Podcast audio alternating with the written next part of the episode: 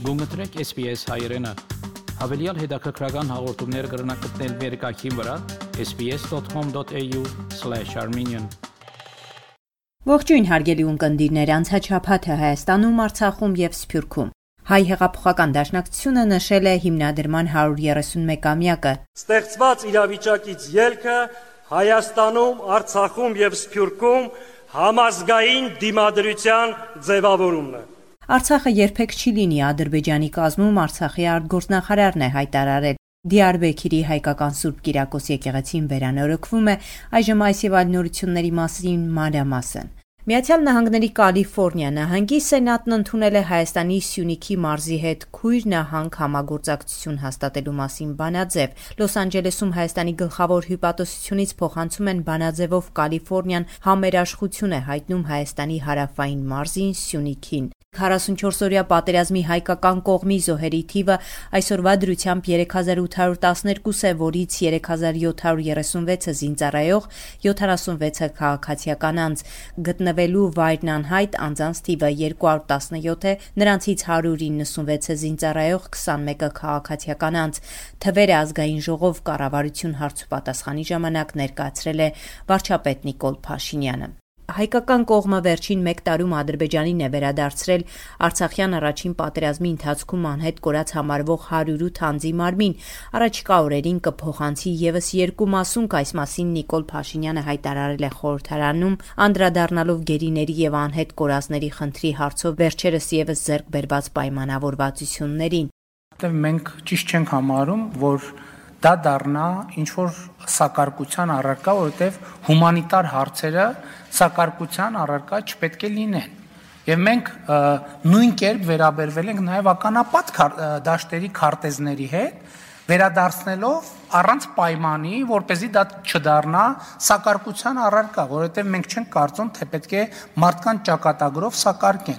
Փաշինյանը նաև հայտարարել է, որ երկու երկրների ղեկավարների մակարդակով ձեռք է բերվել պայմանավորվածություն երասխ Ջուլֆա Մեղրի Հորադիս երկաթգծի վերականգնման մասին։ Նրա խոսքով աշխատանքային խումբն արդեն ձևավորված է, որ զբաղվում է երկաթուղու կառուցման աշխատանքները կազմակերպելու գործով, քննարկում են տեխնիկական հարցերը։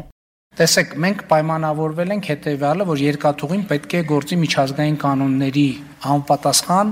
երկու երկրների օրենսդրության եւ սուվերենության շրջանակներում, ինչը նշանակում է, որ սահմանային անցման կետերում պետք է իրականացվի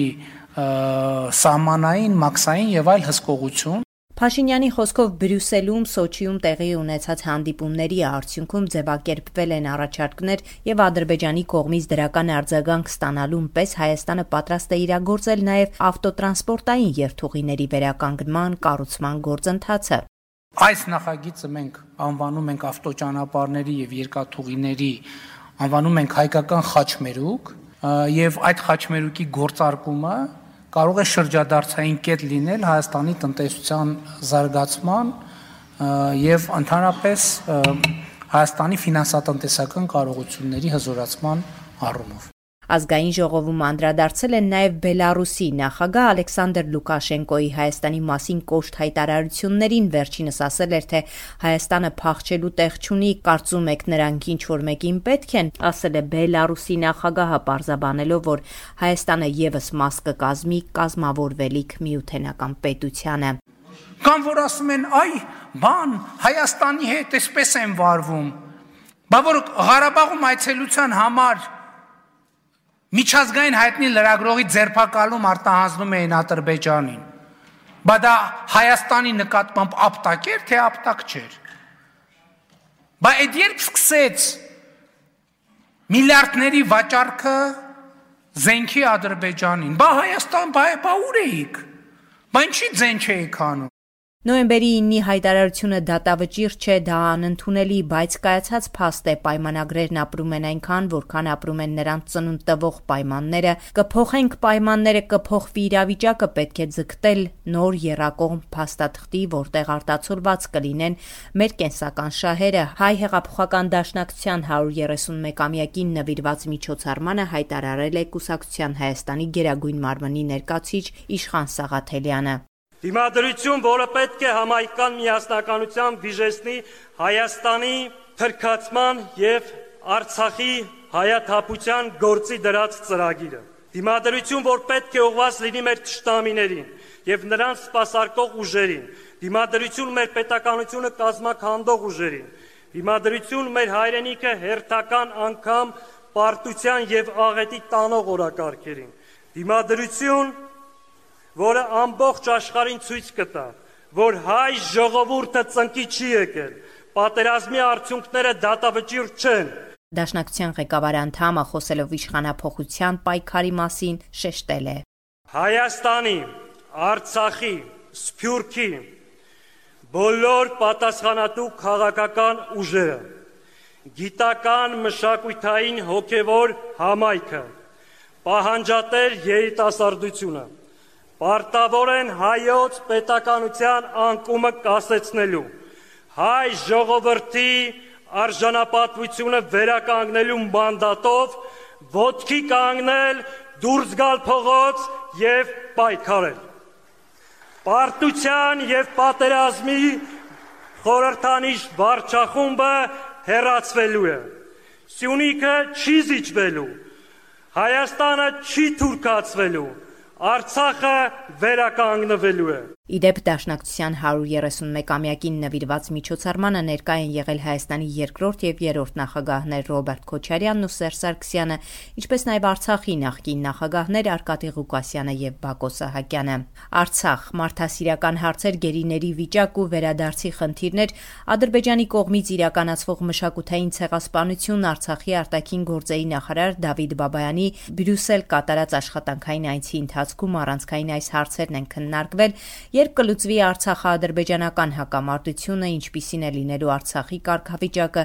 Բաբայանը ընդգծում է. Մենք երբևիցե չենք լինելու Ադրբեջանի կազմում։ Թող սա բոլորը իմանան, երբևիցե։ Սա անընդունելի է։ Եւ ինչ պիտի անի աշխարհը, ասենք ամբողջ աշխարհը ասի միացեք Ադրբեջանի, թե մենք չենք միանալու, ինչ պիտի անեն։ Կոտորելու են մեզ։